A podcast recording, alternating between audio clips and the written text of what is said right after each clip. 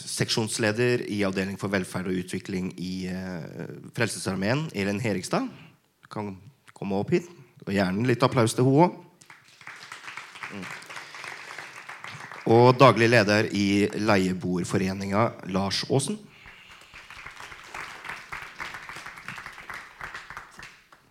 Og generalsekretær i Aleneforeldreforeninga, Stig Rusten.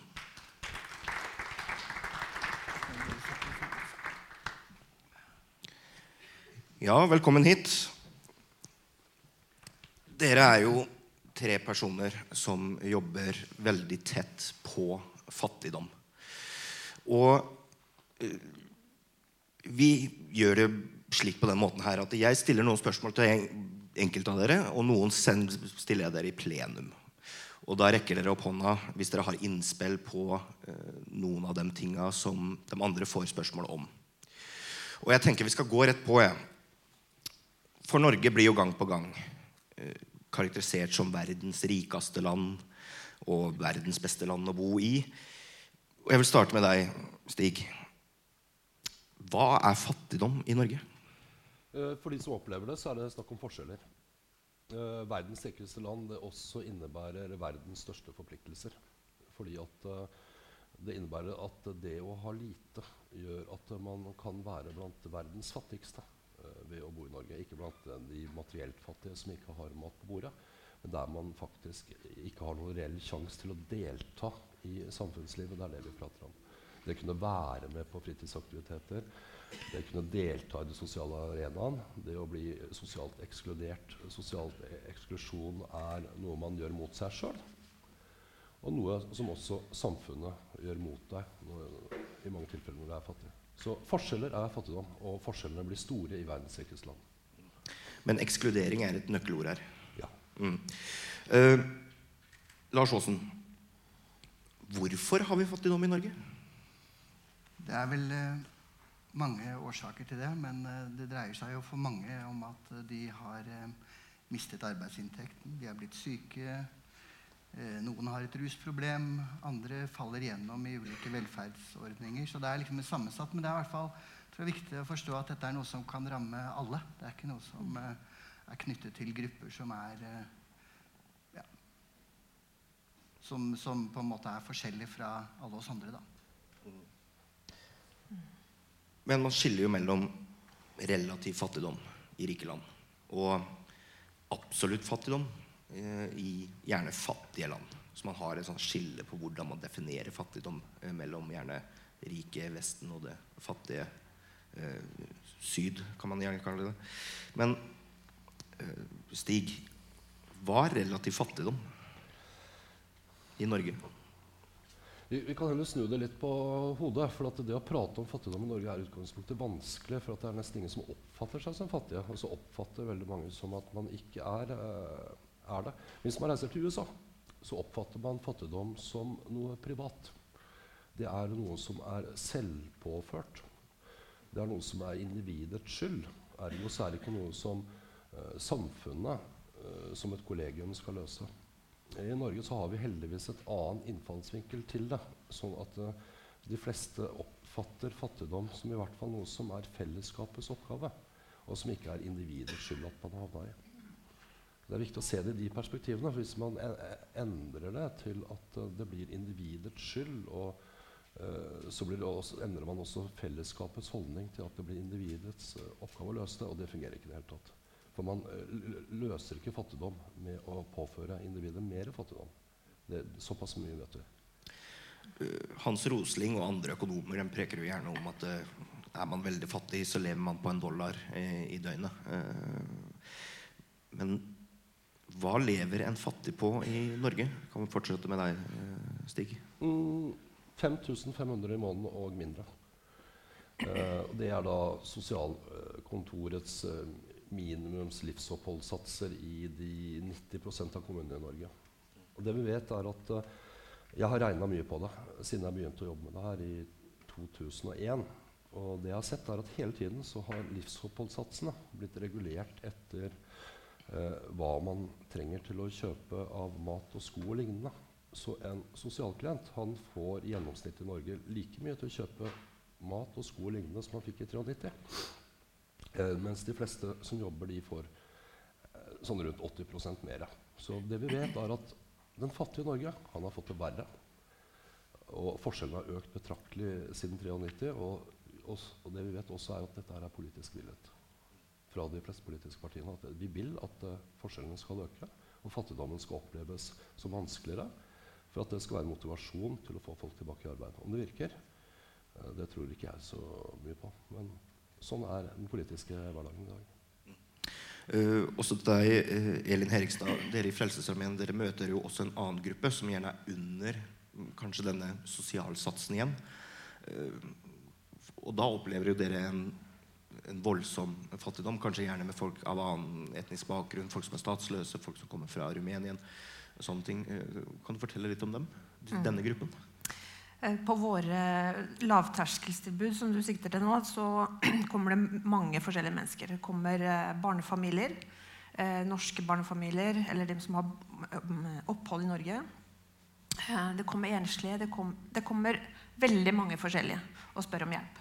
Men de du sikter til nå, er jo de som da ikke har krav på livsopphold på sosialkontoret eller på Nav, og som har begrensa rettigheter i Norge.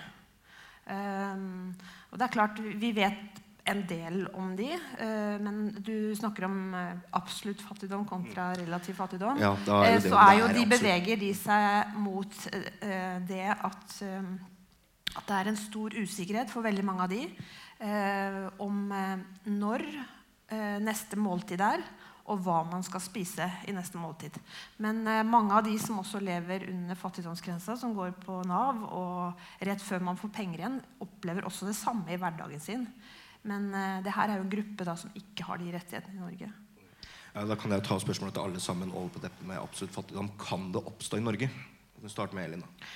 Eh, ja, det kan oppstå i Norge hvis vi ikke passer på at alle som oppholder seg i Norge, har, har det de trenger eh, i form av at de skal overleve. Eh, og det handler om de helt elementære tingene som mat, eh, husly og, og helsetjenester.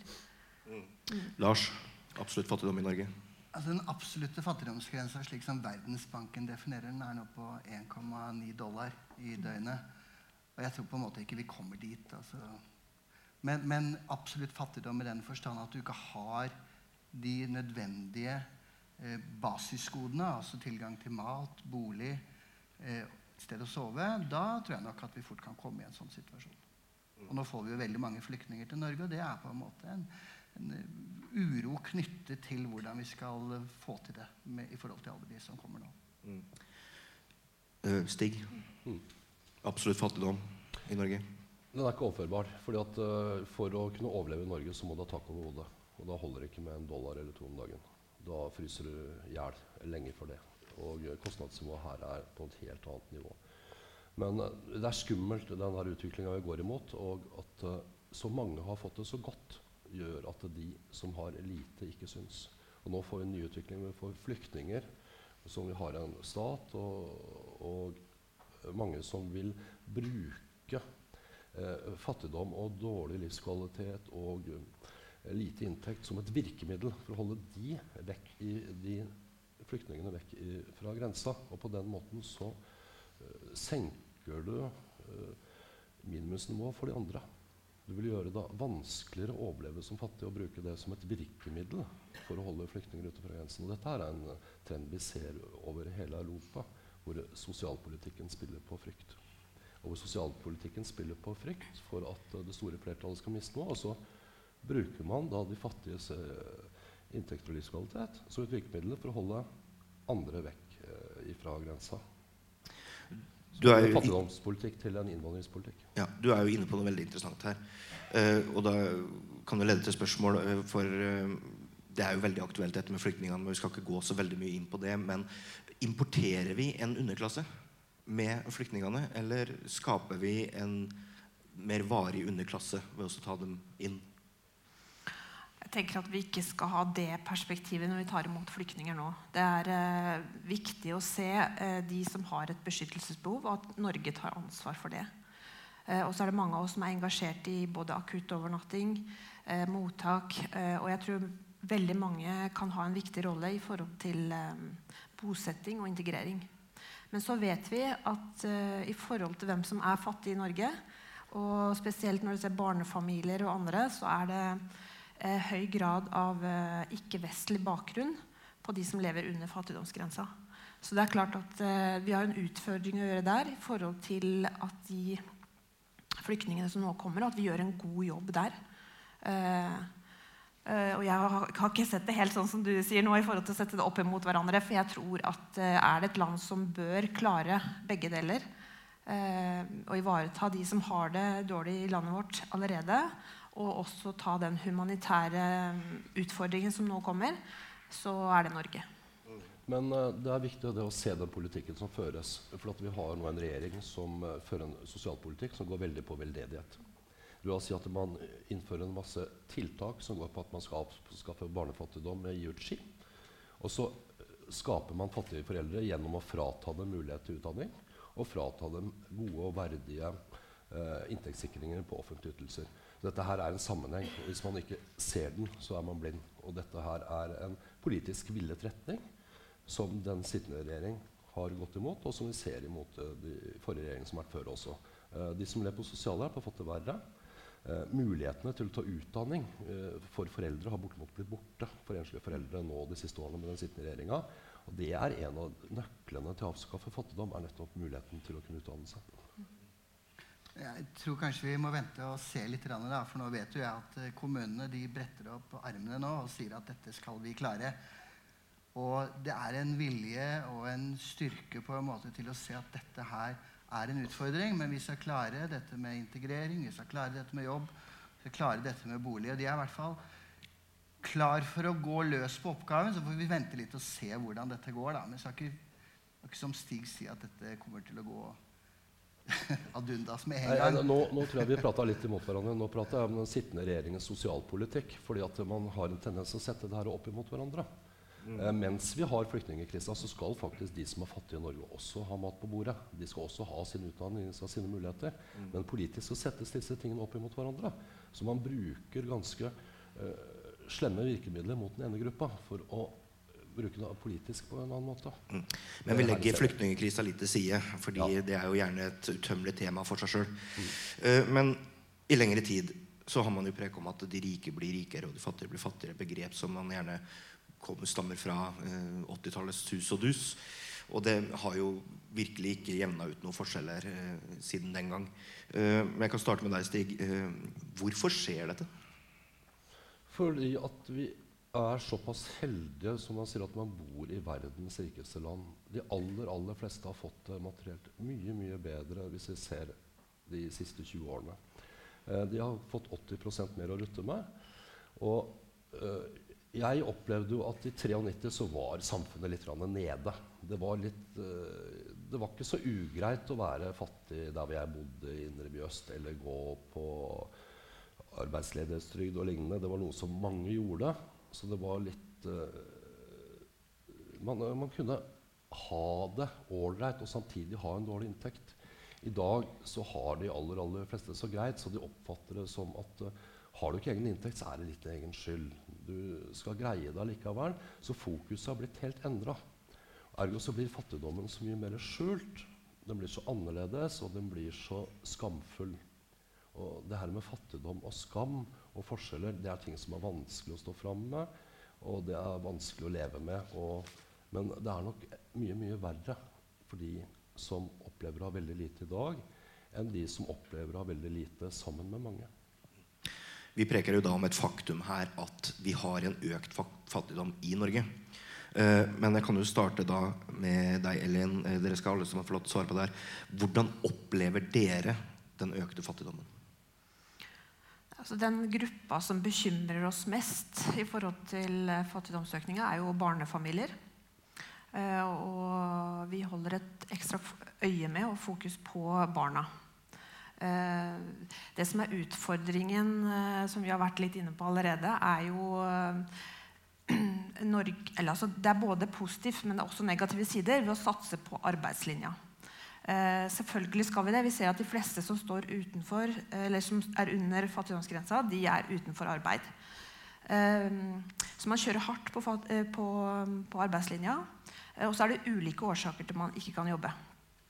Men eh, i den situasjonen så er det mange barn som lever da i familier hvor den politiske strategien er å få foreldre i arbeid. Og når det eh, lar vente på seg, når man ikke får til det, så er det mange barn som lider under det. Og barn skal ikke jobbe. De skal utvikle seg, de skal eh, kunne delta i sosiale settinger. Og de har egne rettigheter som vi må ivareta på en ekstra måte. Så det er et fokus som vi, har, eh, som vi er bekymra for i forhold til barna i de familiene, og at barnefattigdommen i Norge øker. Lars, bolig er jo en indikator gjerne på hvordan man lever og hvordan man har det. Hvordan opplever dere i Leieboerforeninga den økte fattigdommen? Eh, det som er uomtvistelig, er jo at leieprisene har økt uh, veldig mye de siste årene. Og det skyldes jo uh, først og fremst at det er et stort press på leiemarkedet. Det er veldig mange som uh, er nødt til å leie, og det skyldes fordi de ikke kan eie, som er på en måte den norske boligpolitiske modellen. Da. Alle skal eie. Eh, når prisene øker og ikke tilsvarende ytelser og inntekter øker på samme måte for denne gruppen som leier, og vi vet jo at det er en overkonsentrasjon av fattige inne i leiesektoren, så betyr det at eh, bl.a. så ser vi at folk bor trangere. Eh, mens det tidligere var studenter som eh, eh, valgte å bo i bofellesskap, så har vi nå sett en økende tendens til at voksne også er nødt til å velge slike løsninger, altså hvor man bor flere sammen, for å dele kostnadene. Um, det er også altså I leiesektoren så er det jo en sånn innebygget utrygghet. Og den utryggheten rammer eh, de fattigste kanskje ekstra hardt. Fordi eh, når man ikke vet hvor lenge man kan bo, når man kanskje opplever at man skal eh, måtte flytte i løpet av et år, eller noen flytter jo mange ganger i løpet av et år fordi de har eh, veldig lite gunstige leiekontrakter, eller kanskje også en utleier som spekulerer i dette, så skaper det en sånn veldig tilleggsbelastning til det å være i en situasjon hvor man er fattig, som blir helt umulig.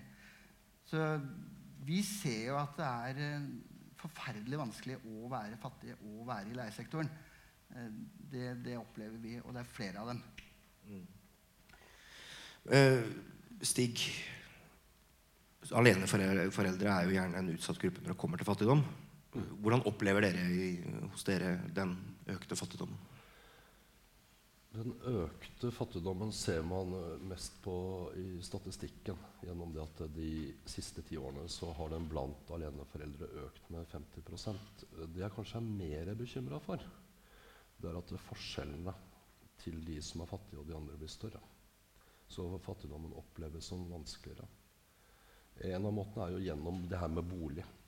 Eh, de aller, aller fleste, Når det gjelder barnefamilier i dag, så eier 85% bolig. Det vil da ikke bare si at eh, de har muligheten da, til å få redusert boligutgiftene på sikt. Det er at de har mulighet til å opparbeide seg formue. Og, det er, de opparbeide seg formue er en trygghet da, som flertallet har, men som de fattige da er fratatt. La oss si at uh, samfunnet gir flertallet trygghet til å opparbeide formue gjennom skattesubsidier. Man gir i Norge skattesubsidier til de som eier mest. Mens de fattigste da skal medvirke til å få andre til å nedbetale boliger. Og I tillegg skal man gi skattesubsidier til de som er i en gunstig posisjon. Så sosialpolitikken overfor uh, de fattigste er i utgangspunktet motsatt i Norge i forhold til hva det burde ha vært. Og så har vi dette her med at uh, forskjellene øker. Det vil si at oppfatningen av å være det eh, gjør at det blir vanskeligere. Og det oppleves vel som vanskeligst for barna. Eh, skal man bryte den fattigdomsspiralen, så skal man alltid starte med barna. Gjennom at man ikke skal arve dette her videre til neste generasjon. Vi skal kunne tørre å være såpass raust samfunn at barn får gode oppvekstvilkår gjennom å gi foreldrene tilstrekkelig inntekt i familien til at man utjevner forskjeller. Og dette her er ikke snakk om økonomi. For økonomien har vi hatt i Norge de siste 20-30 årene til å faktisk kunne avskaffe fattigdommen for de fleste. Der er snakk om moralisme og politisk vilje. Vi vil at arbeidslinja skal gå foran alt annet. Så vi vil ikke bruke de fem eller ti milliardene vi trenger til å avskaffe fattigdommen, fordi at uh, det skal da kunne oppfattes problematisk for andre enn at det ikke er så gunstig å arbeide.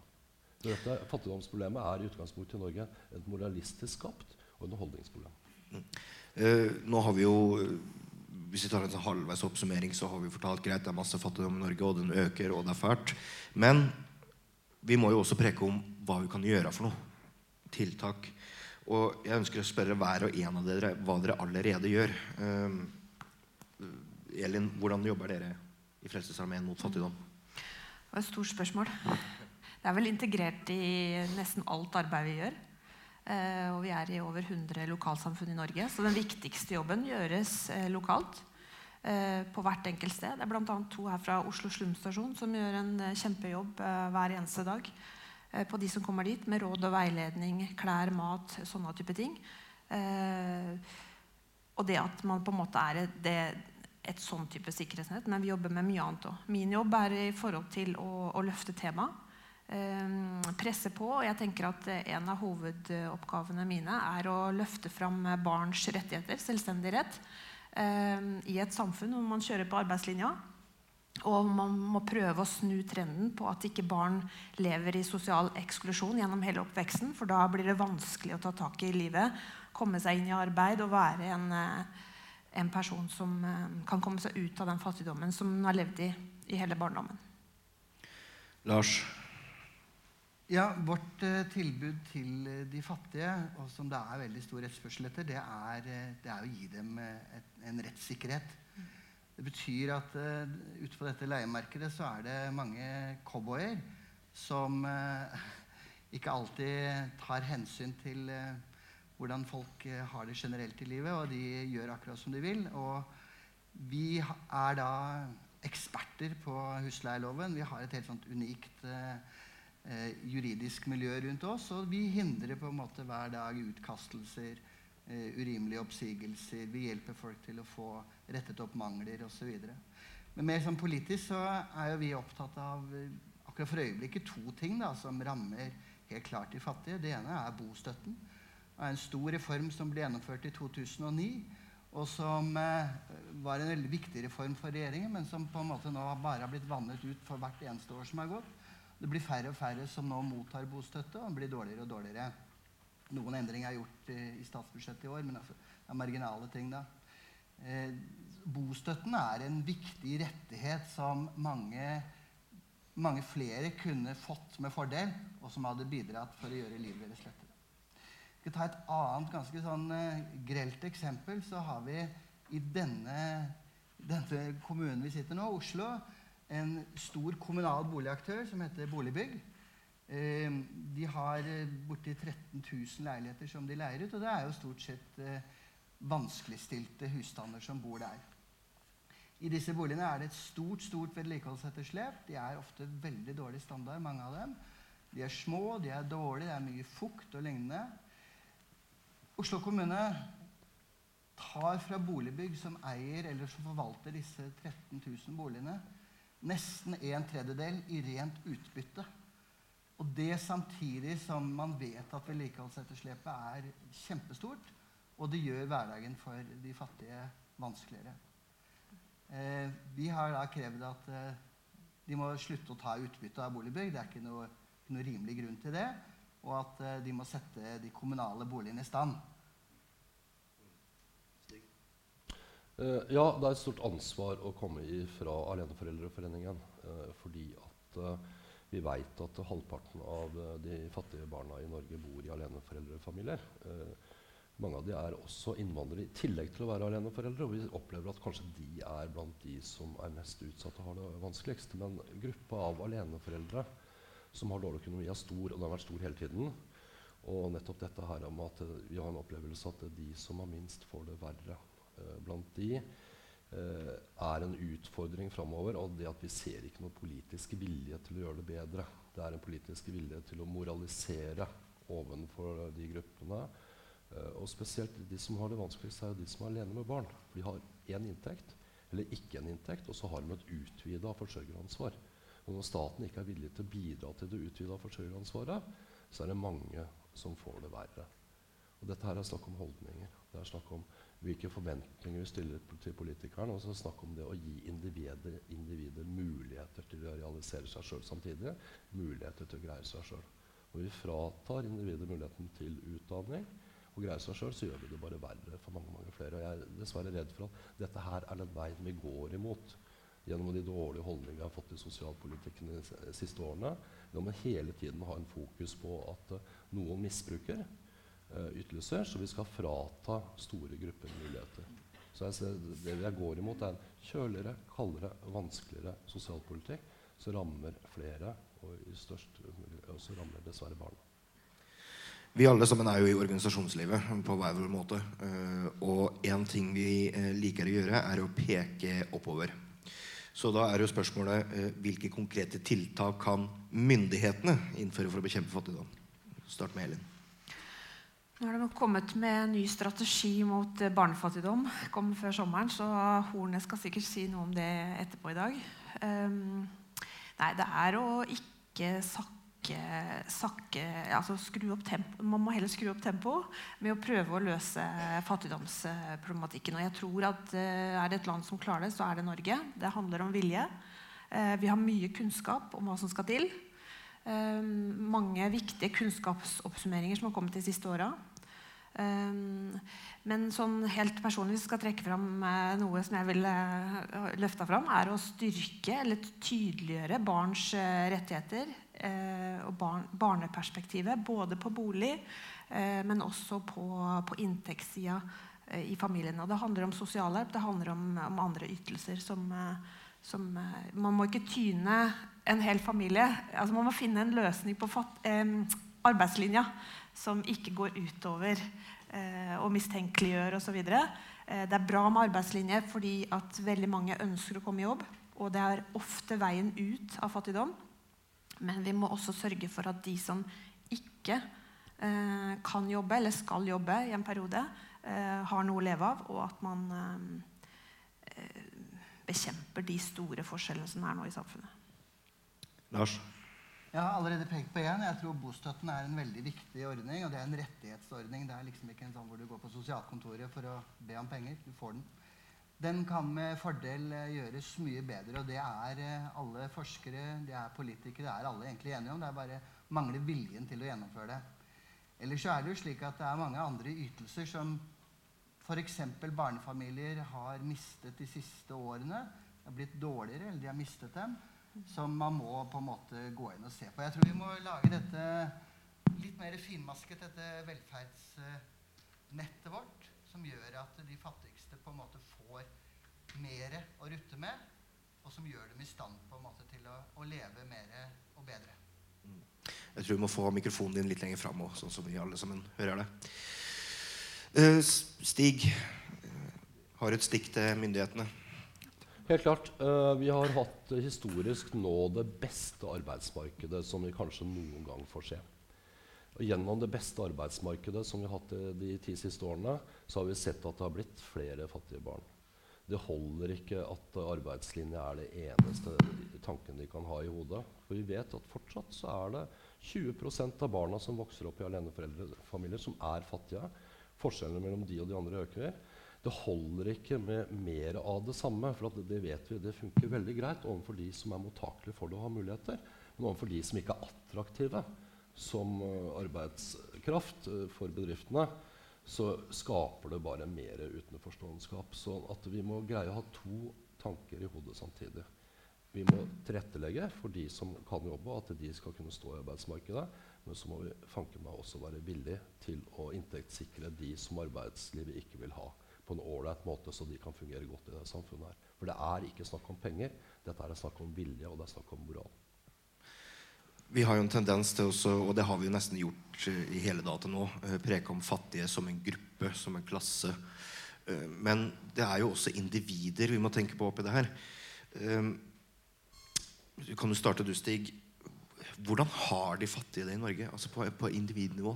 Jeg, min helt klare oppfatning er at de har det verst hvis de bor i Bærum eller Stavanger kommune. Fordi at det der er oppfatninga av at det er så personifisert på en helt annen måte enn å bo i Groruddalen. Det det, det, det er vanskelig også å være fattig i Groruddalen.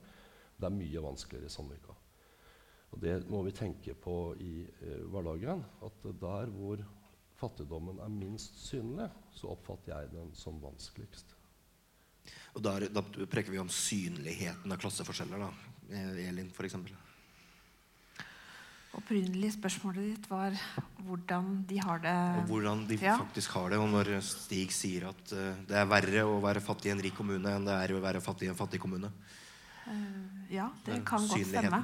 Uh, fordi man er jo opptatt av å eh, være sosial i den, det miljøet man er i. Altså på skolen, på arbeidsplassen osv. I det bofellesskapet man har.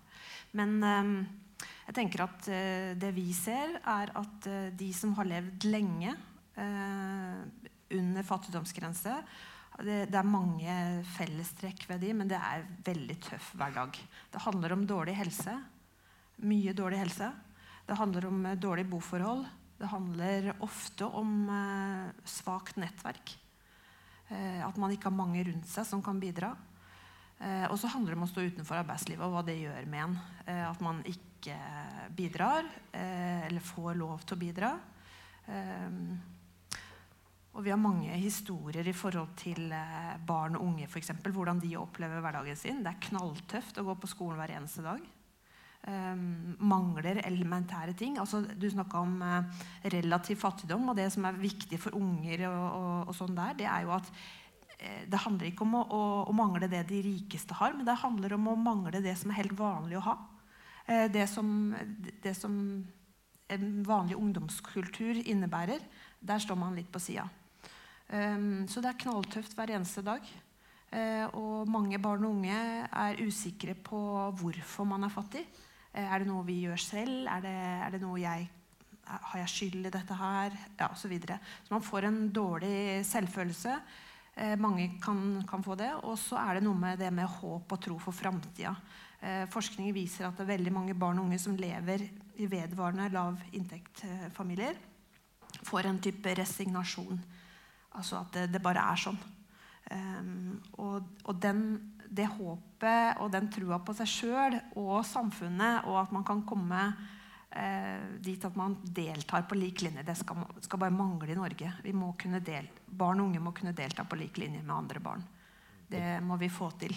Og det er litt av konsekvensen av når vi prater om barnefattigdom. For den, den blir uh, litt uh, annerledes enn fattigdom for en voksen. For en voksen skårer på det at han ikke er i stand til å skape sin egen inntekt. Ja. For et barn så er det faktisk snakk om å bli frarøvet deler av oppveksten. Det Men vi er- ser jo også mange foreldre som, som strekker seg så, så langt, og, kanskje lenger enn langt, for at ungene skal holde tritt da, med, med venner og, og skolemiljø. Eh, at det går på helsa løs. Altså at man ofrer såpass mye at, eh, at eh, man ikke får sove og ikke Ja. Men helse og livskvalitet og ekskludering og sånt nå, eh, der kommer jo bolig inn som en veldig sånn, viktig faktor. Eh, Lars, eh, kan du forklare litt sammenhengen mellom eh, bosituasjon, helse og livskvalitet? Det sier seg selv at eh, Nå virker ikke den igjen. Er den? Er jeg ute av Vi får en mikrofon her. Ja.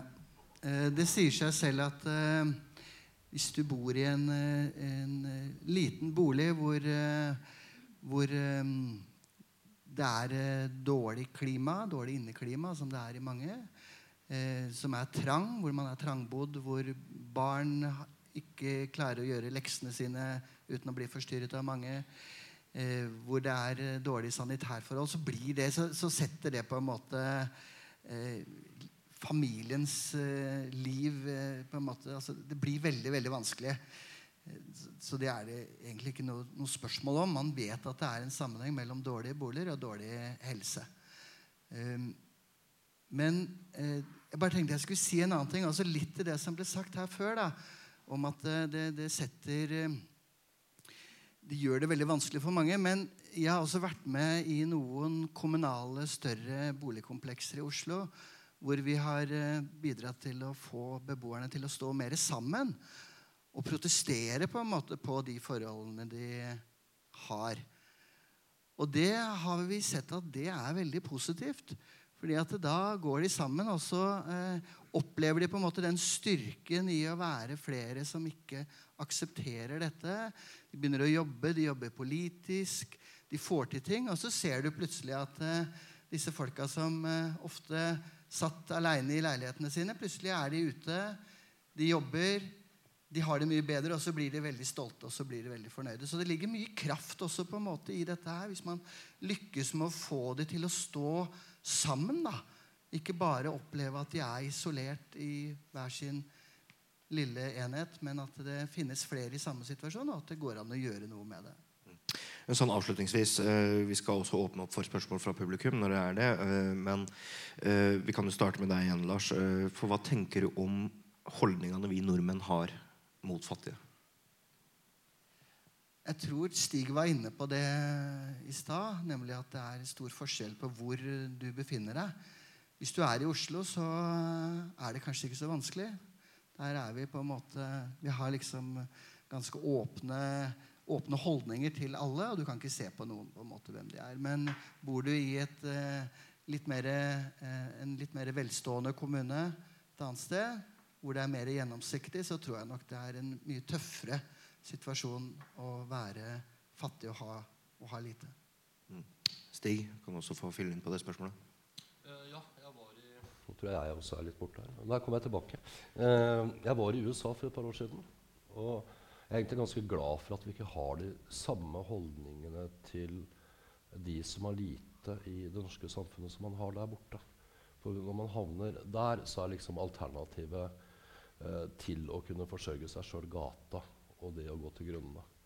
Og de jevne amerikaner syns ofte dette er helt greit, for at fattigdommen er noe personifisert. Så jeg håper for Guds skyld at vi ikke havner der.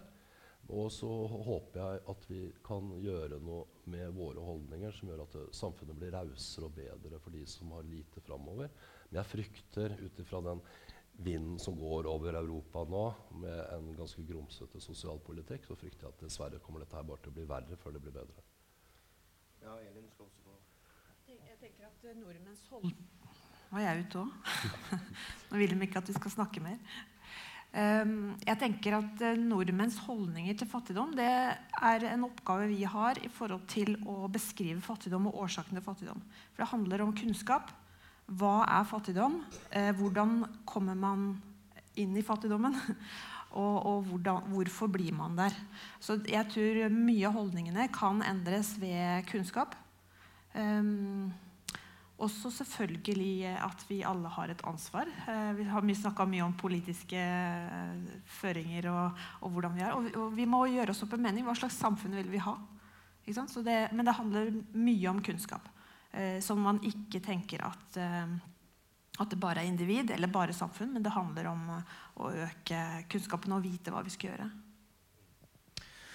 Da tenker jeg at vi åpner for spørsmål fra salen.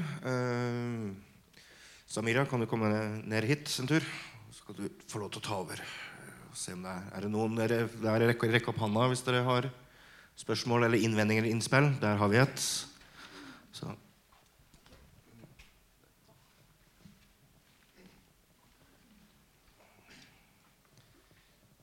Jeg er ikke så flink på norsk, men jeg håper dere kan forstå. Det er et spørsmål for meg at eh, hvor mange prosent av de fattige folk eller fattige barna, fattige familier har utenlandsk bakgrunn? Eller hvorfor flytning tar med, tar med, seg arbeidskraft og masse ting til Tyskland eller til andre land, men hvorfor de tar med deg fattige og dårlige ting her til Norge. Jeg håper dere forstår det. De andre landene bruker dem som arbeidskraft, og det hjelper så mye for økonomi og for masse ting. Fra USA, fra Tyskland, fra mange land. Men hvorfor, hvis flyktninger kommer her, tar med deg fattig bakgrunn og veldig dårlige ting til Norge? Eller Norge hadde ikke før og flytning og tingene hadde ikke fattige problem, samme problem før utlandet kommer i Norge, eller? Mm. Jeg kan, ja, det er sikkert flere som kan svare på det, men, men i forhold til eh, eh, ikke-norske familier så er det vel eh, nå nylig første gang det har blitt over 50% av de fattige familiene som da ikke-norske eller ikke-vestlige. Eh, så, det er den gruppa som øker mest i Norge.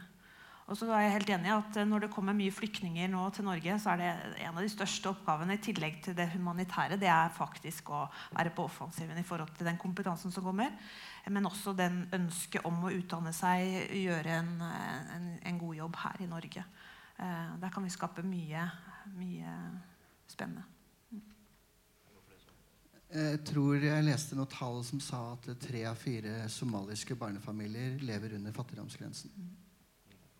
Eh, jeg tror vi må se at Om man er innvandrer eller ikke, så tror jeg ofte det er de samme virkemidlene som hjelper for å løfte en ut av fattigdommen. Og det er, En av de er å gi eh, foreldre bl.a. muligheter, gi individet muligheter til å hjelpe seg sjøl. om man er innvandrer eller ikke, så går det ofte på de samme tingene. De innvandrere har ofte et språkbarriere i tillegg. ikke sant? At de står enda lenger ut. Men virkemidlene tror jeg ofte er de samme. Men det er den gruppa som øker mest. I forhold til barnefattigdommen. Det er en av hovedgrunnene til at barnefattigdommen øker, er den gruppa. Mm. Og blant barnefattigdom da, så har vi jo en todelt gruppe. Det er de to inntektsfamiliene, eller to voksne familiene, som i all hovedsak er innvandrerfamilier i dag. Og så har du éninntektsfamilien, eller én voksenfamilie, som er aleneforeldrefamilier. Stor gruppe innvandrere aleneforeldre og stor gruppe norske foreldre. ikke sant? Men utfordringa er nok i veldig stor grad det samme. Eh, fordi at eh, det vi veit blant de foreldrene som er fattige, er at i all hovedsak så står de langt unna arbeidsmarkedet pga. de har lav utdanning. Om de er norske eller innvandrere. Ja, takk. Eh, Kjersti Falk, jeg kommer fra Foreldreutvalget for grunnopplæringen.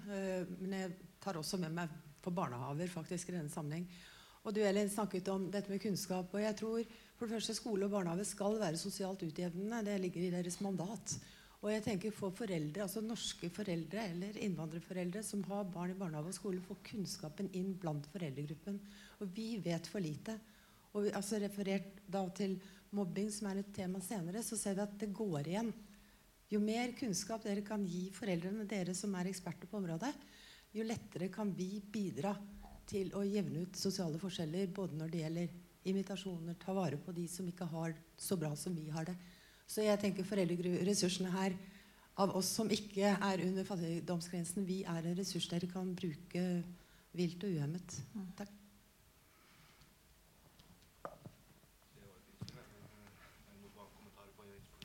Altså, jeg vet ikke eh, Frelsesarmeen er sammen med mange andre organisasjoner gått sammen i en eh, nasjonal dugnad mot eh, barnefattigdom og ekskludering.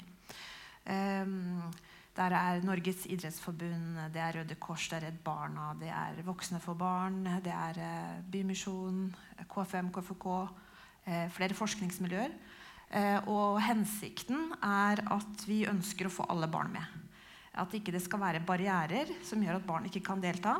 Og det handler litt om at skole, barnehage og sånne ting det er utgangspunktet gratis. Eh, men eh, for en eh, familie som ikke har noe særlig ressurser, så er det ikke gratis allikevel. I tillegg til foreldrebetaling i barnehagen så handler det om parkdresser, det handler om alt utstyr som man må ha. Har man ikke det, så får man beskjed om å, ordne det til dagen etter. Så det er mange barrierer i samfunnet vårt. Og vi har det første vi har utvikla i det samarbeidet, det er eh, et, eh, noen kort som er eh, for at alle som har med barn og unge å gjøre i forhold til fritidsaktiviteter, skal bli gode på akkurat det temaet her. Det er å øke bevisstheten om de barrierene som finnes i idretten, i speideren, i korps osv. Så videre. sånn at ikke de ungene her møter stengte dører, men at de møter voksne som har kunnskap om det, og at eh, idrettslaget for eksempel, er forberedt på hvordan takler vi det. Hvordan gjør vi dette praktisk? Og det er veldig enkle metoder eh, som gjør at eh, jeg var hos Barneombudet i forrige uke, og de, de har sånn at barn kan sende inn eh, spørsmål osv. Og, så og da var det en gutt som hadde sendt inn eh, Har de lov til å kaste meg ut av eh, fotballaget? Eh, og når man eh, undersøkte det, så var det det at eh, han hadde fått beskjed av treneren sin om å ikke komme på neste trening. Og når han spurte hvorfor, så sa han at det kan du spørre mora di om. Og det er klart at det er en alvorlig ting for den barnet. Og så handler det om at vi voksne ikke vet nok eller er trygge nok på det temaet i forhold til barn. Så den kampanjen den handler om å øke bevisstheten og øke kompetansen hos oss voksne til å se barn og praktisk eh, løse eh, de utfordringene som de barna møter i hverdagen sin. Uh, og hvis det er organisasjoner her som ønsker å være med i en sånn greie, så er det bare å skal jeg prøve å formidle det etterpå. Fordi det handler om å stå sammen. Det skal også være en stor konferanse neste år. Og det skal utvikles videomateriell osv. Fått penger fra Kunnskapsdepartementet og Gjensidigestiftelsen på å gjennomføre det. Så bra.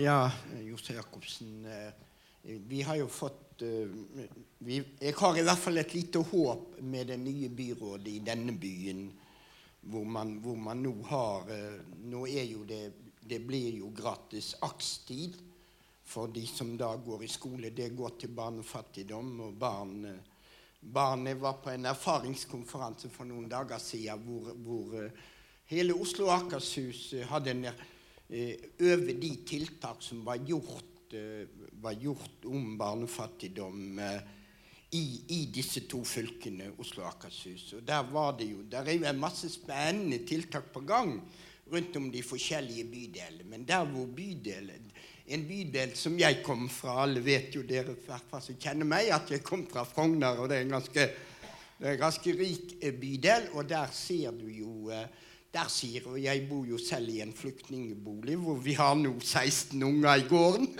Så der er det en hel barnehage. Men det er jo morsomt. Akkurat det, det er ikke så vondt og vanskelig, det. Men, men det som, det som jeg, jeg, har et håp på, i hvert fall i forhold til det nye byrådet, er at vi skal få en At det kommer en del tiltak som nå er på gang. og og som ligger i budsjettet som, som, nå blir vedtatt i disse dager i, i, denne byen. Og det håper vi jo på. Men problemet ligger i at det er plukket ut visse bydeler. Og det er jo typisk at man plukker ut til og med barnefattigdom, var vår byrådsleder hjemme på Frogner ute og sa. At vi har barnefattigdom også på Frogner.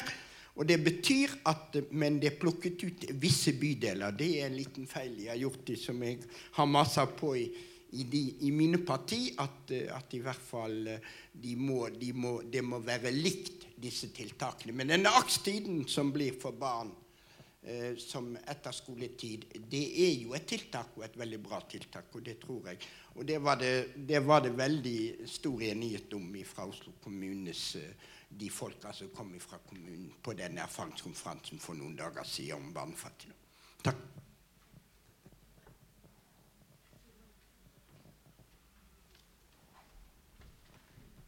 Ja, jeg tenker vi egentlig må runde av der. Eh, men eh, da gjenstår det egentlig også å takke panelet. Eh, Elin Herigstad fra Frelsesarmeen, Lars Aasen fra Leiboforeninga og Stig Rusten fra uh, Aleneforeldreforeninga. Samira, kommer du ned litt?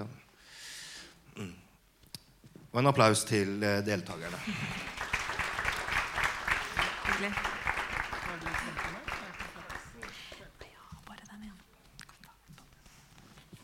Skal dere få en liten oppmerksomhet her. Tusen takk. takk skal du ha. Da er det pause til kvart over elleve, og da skal vi preke om barnefattigdom.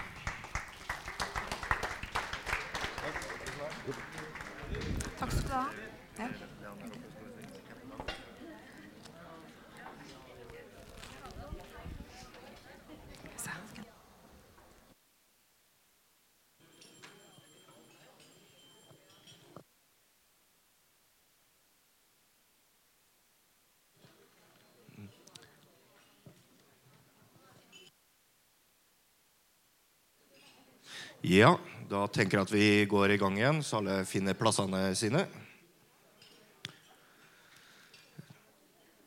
Eh, en opplysning det er det at uh, streaminga som vi preker om, den finner dere lenke til på problemkonferansen.no. Hvis det skulle være noe uh, spørsmål rundt det. Neste del vi går over i nå, er barnefattigdom. Og han som skal lede denne diskusjonen, eller samtalen, er Røverhusets egen Tore Myrmillom.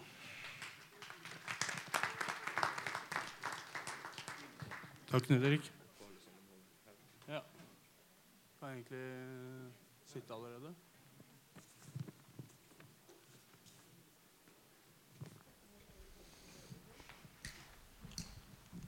Jeg ønsker å starte en sesjon her med et par tanker jeg har gjort meg gjennom livet uh, med fattigdom.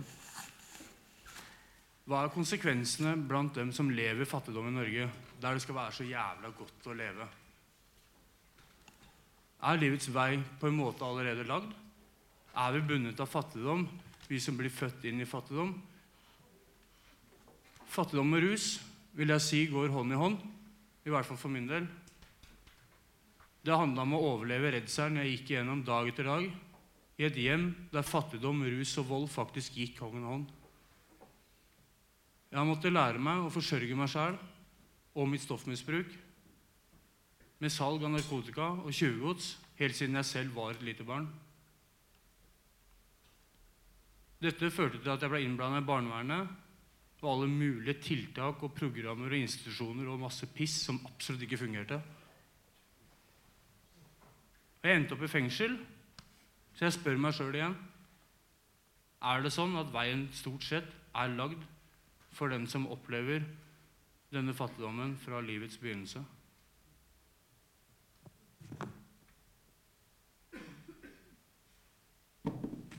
I eh, dag så har vi oss uh, Mental Helse Ungdom, som er deg, Adrian. Og så har vi med oss Press, som er Karoline. Og Kompass og Co., som er uh, den hele, hele Helen. Um, jeg kommer til å stille dere uh, spørsmål hver enkelt, og noen åpent. Uh, er det noe dere vil komme med, så rekk opp hånden, og så ordner vi det. Så Karoline Press. Hva er barnefattigdom? Eh, jeg vil si at Først og fremst så er eh, barnefattigdom det å bli ekskludert. Eh, det å stå utenfor samfunnet. Det handler ikke bare om, om å mangle fotballsko eller mangle materielle ting, men det handler om en god del sosiale problemer, sånn som du egentlig tegna litt et bilde av sjøl også. Og jeg tror nok at at det er en god del ting som man burde ta tak i, som man kanskje ikke tror er en del av barnefattigdom, men som er det likevel. Uh, og uh, jeg tror nok det er den definisjonen jeg har på det, at det er det å stå utenfor samfunnet og ikke ha de samme mulighetene. Mm. Hvorfor brukes denne betegnelsen når barn lever med fattige foreldre?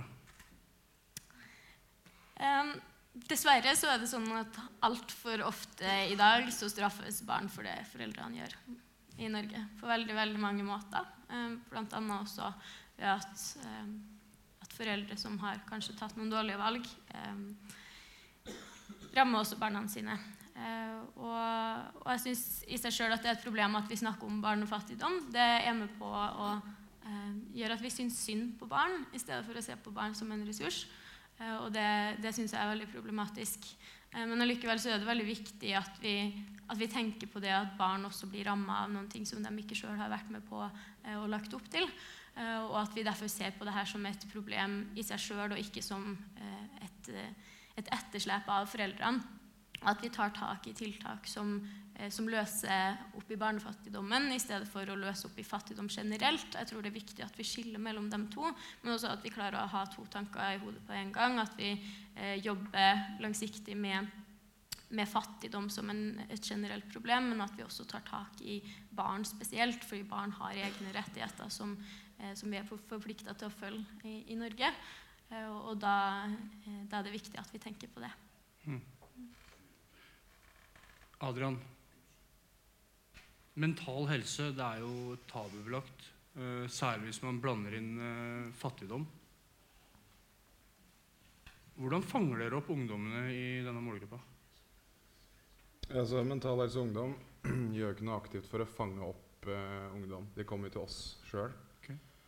Eh, så sånn sett så driver vi ikke noe behandlingstilbud. Vi driver treffsteder hvor ungdommer kommer og, og får skaffa seg nettverk. Eh, og jeg tror det eh, er et, et veldig viktig bidrag i måten man bekjemper fattigdom på. Eh, jeg har selv snakka med mange som har opplevd at eh, treffstedene våre har ført til at de, at de er her i dag. At de ikke har tatt livet av seg. Eh, treffstedene våre har sørga for at folk har blitt mye friskere. At de har fått, eh, har fått nettverk og venner. Eh, og jeg tror Hvis man skal snakke om fattigdom, eh, så må man også snakke mye om psykisk helse. Mm. Og når man snakker om psykisk helse, så er det viktig at man snakker om det, og ikke nødvendigvis bare psykiske lidelser. Fordi vi vet at uh, depresjon annet, rammer helt uavhengig av hva slags inntekt du har. Uh, det rammer likt enten du bor i Groruddalen eller på, på Frogner, der jeg vokste opp. Um, og, uh, og da må man også ta utgangspunkt i hva slags risikofaktor du vet om. Og man havner nesten automatisk i en høyrisikogruppe hvis man vokser opp i, i fattigdom. Eh, og så vet vi også at når arbeid, som er så viktig for ikke bare fattigdom, men også for å forebygge psykiske helseproblemer, eh, så vet vi det at eh, den største delen av de jobbene folk får, er jo ikke utlyst, f.eks. Så på sikt så, så lønner det seg både økonomisk og for din egen psykiske helse å ha et stort og robust nettverk. Eh, så jeg tenker Når vi skal snakke om, eh, om barnefattigdom, eh, så må man også snakke om psykisk helse. Og man er nødt til å snakke om, om nettverk eh, og, og hvordan man kan bidra til å bygge det. Hvordan rekrutterer eh, fattigdommen barn inn i rusmiljøet? For mange så er jo, eh, er jo rus en virkelighetsflukt. For mange med psykiske problemer så er det også en virkelighetsflukt. Eh, og det å slippe å leve i, eh, i den tilværelsen man har, og som man sliter med, eh, det tror jeg nok mange opplever som, som, en, som viktig. Og da tenker jeg at eh, da, da er vi også nødt som samfunn å skape alternative virkelighetsflukter. Alle mennesker må på et eller annet tidspunkt fjerne seg litt fra sin egen virkelighet. Og det trenger ikke være noe usunt i det i det hele tatt. Eh, men da er vi også nødt til å sørge for at man har lik tilgang til, til fritidsaktiviteter. og eh, altså Personlig så har jeg brukt musikk i mange år som min virkelighetsflukt, og den er ganske mye mer konstruktiv enn en rusmidler. Um, selv om det også har vært en, en del av eh, min bakgrunn, så, så det å liksom skape sunne uh, alternativ og sunne virkelighetsflukter tror jeg er viktig. Uh, hvordan opplever dere barnefattigdom i deres organisasjon? Vi opplever det på veldig mange forskjellige måter. Altså det beste hadde jo vært om det var en av ungdommene til Kompass og Co. Altså vi ansetter ungdommer. Og det beste hadde vært om det var en av dem som satt her nå istedenfor meg og fortalte. Men de syns det er litt vanskelig, så jeg gjør det for dem foreløpig. Men kanskje neste gang så er det de som gjør det. Eh, vi opplever spesielt i forhold til bolig at uh, ungdommene som jobber hos oss, de blir flytta rundt fra institusjon til institusjon eller hjem til hjem. Uh, så det er veldig sånn uforutsigbart. Det er ikke alltid at de er i samme kommune eller samme bydel. Eller, ikke sant? Uh, og det gjør det også problematisk for oss i forhold til hvor, hvordan får vi tak i de hvis vi trenger å hente de. Hvor er det de er hen nå? Og så er det i forhold til det at de stoler ikke på voksne. Så vi må bruke mye tid på å bygge tillit.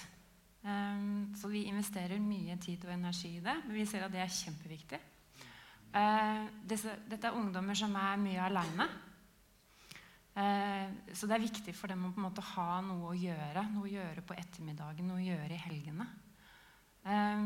Og så er de også ikke alltid så veldig gode til å ta vare på helsa si. Og da tenker jeg både psykisk og fysisk helse. Til alle sammen. Hva, hva skal til for at et barn skal kunne kalles fattig? Altså jeg tenker at Du har jo noen eh, satte parametere som man snakker om fattigdomsgrense osv. Um, jeg sliter litt med at vi på en måte skal stemple folk som, som fattige. Jeg tenker at alle barn er født med de samme, ut, det samme utgangspunktet og de samme mulighetene.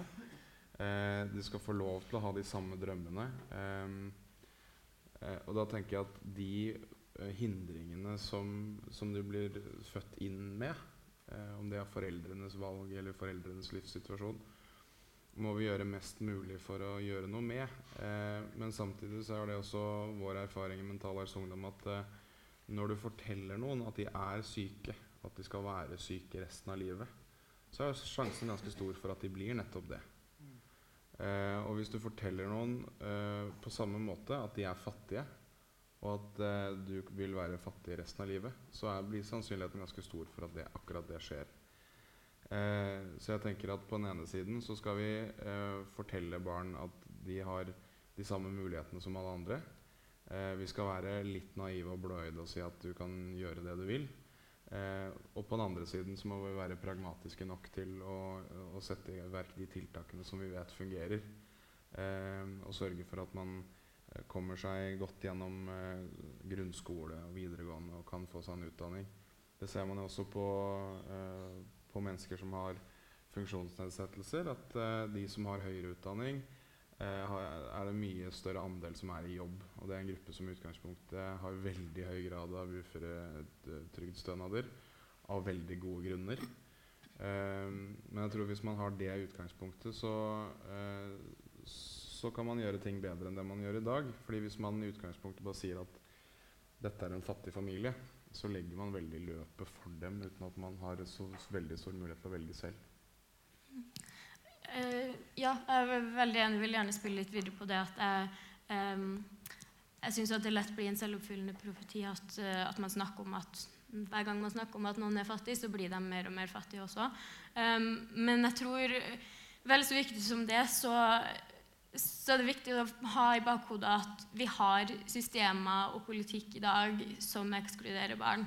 Uh, vi har en skole som gjør det veldig lett å Eh, å være flink hvis man er rik, og som gjør det veldig vanskelig å være flink hvis man ikke er det. Eh, og vi har også ja, vi har, vi har f.eks. ikke gratis SFO. Det er fint at vi har fått det nå som et prøveprosjekt i Oslo, men vi må også tenke litt på resten av landet. Det fins ikke bare fattige barn i Oslo, og det er veldig viktig å huske på.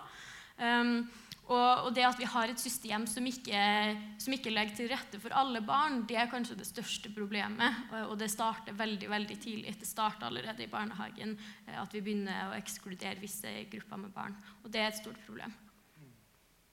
Ingen av våre ungdommer sier 'jeg er fattig'. Det er ikke det. Det er ingen av våre ungdommer som sier det. Og det er ikke noe de skriver på Facebook. 'Jeg er fattig. I dag er jeg fattig'. Det er ikke noe som gjør det. Så de, de bruker ikke den termen selv. Men det at f.eks. de kan ikke komme på ting Eller eksempel, hver, hver, gang vi skal jobbe, da, så lager vi mat sammen med ungdommene våre. Fordi vi vet at når de kommer, så er de alltid sultne. Alltid sultne er de. Så det må vi. Uansett hva vi skal gjøre, så må vi ha mat. Hvis ikke så kan ikke de jobbe. Helt klart. Ja. Fattig på penger, rik på kjærlighet. Ja. Eh, hvordan kan vi sikre barn fra fattigdom? Eh, Trine? Litt sånn som jeg var inne på i sted. Eh, det, som det ble nevnt her eh, tidligere også, så har det kommet en tiltaksplan fra, eh, fra regjeringa som ble lagt frem i fjor, med ganske mange tiltak. Um, og mange av dem er gode, men jeg tror at det har blitt altfor politisk betent i Norge å snakke om det her, fordi det er en del sosiale tiltak som, som skiller ulike partier, men som også berører fattigdom ganske dypt. Eh, så jeg tror at eh, vi har nødt til å se mye på skole. Jeg tror skole er en veldig viktig arena for å løse opp i en del av de strukturene som er. Vi er nødt til å begynne å se på Jeg eh, sier ikke at det nødvendigvis er, er noe man kanskje vinner på, men jeg syns man skal se litt på en leksefri skoleordning. Se hva slags tiltak som vil fungere der. Også gratis SFO er et veldig bra tiltak. Og så tror jeg man trenger å, å snakke med barn om hva som faktisk fungerer Men det det skaper av risikobilder, er jo ganske alvorlig. Eh, når du hele tiden blir påminnet at du ikke kan være med på det ene og det andre, så er det en belastning som øker risikoen for at du kan ende opp med en annen psykisk lidelse. også eh, Og da kan man inkludere ruslidelser i det. Eh, sånn at eh, det blir viktig å sørge for å ha disse tiltakene som vi vet eh, er utjevnende. Eh, for så er det sånn at Kvalitetsbarnehager det vet vi virker utjevnende på sosiale forskjeller. Det ikke så mange vet, er at det også virker utjevnende på helseforskjeller i befolkningen. Så hvis vi har gode og tilgjengelige kvalitetsbarnehager for alle, så vil det også utjevne forskjellene eh, i helsa. Som vi ofte ser er dårligere hos eh, de som eh, er i kategorien fattige. Eh, og da spesielt også knytta til psykisk helse. Og vi ser jo det at hvis du Altså 50% av alle psykiske lidelser debuterer før fylte 14. 75% av alle psykiske lidelser debuterer før fylte 25. Det er masse vi kan gjøre av forebygging. Eh, og vi vet at hvis du blir psykisk syk eh, i den fasen mellom 14 og 25, så er det en veldig kritisk tid. Eh, fordi det påvirker din evne til å kunne få deg en jobb og komme deg inn på arbeidsmarkedet ganske alvorlig.